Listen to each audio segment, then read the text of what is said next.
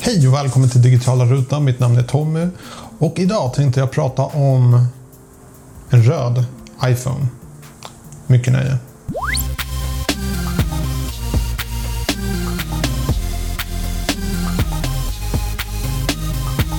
Uh, så nyligen så släppte Apple en röd iPhone. Det här är inte den. Det här är en vanlig svart iPhone. Men jag har helt enkelt på ett skal. Och det var lite av ett tips som jag tänkte delge. Det finns några som är helt fascinerade över den nya iPhonen. Och jag förstår det. Den är röd, den är snygg och äntligen har Apple lyssnat på eh, sina fans. Det vill säga förra året när Apple släppte en röd iPhone så var det med en vit insida. Den här gången har de ha lyssnat och det är nu en svart framsida.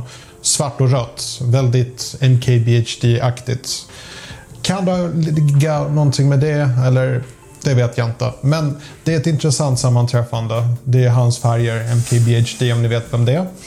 Um, jag skulle ge tipset att istället för att spendera en massa pengar på en ny röd iPhone, att helt enkelt bara byta till ett skal. Det blir väldigt effektivt och det finns jättesnygga röda skal av olika kvalitet. Det finns läderskal, TPU-plastskal, eh, plastskal av olika slag. Jag har till och med sett en metall, Eh, en röd, ett rött skal gjort helt i metall.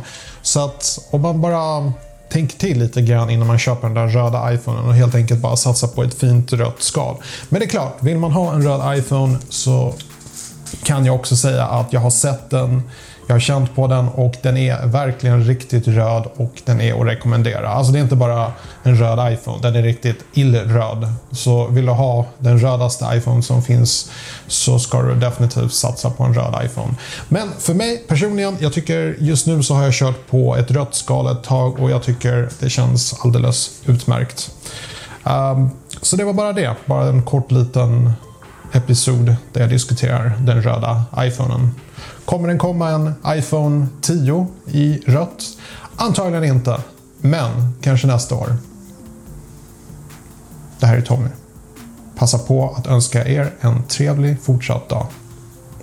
Ta det lugnt.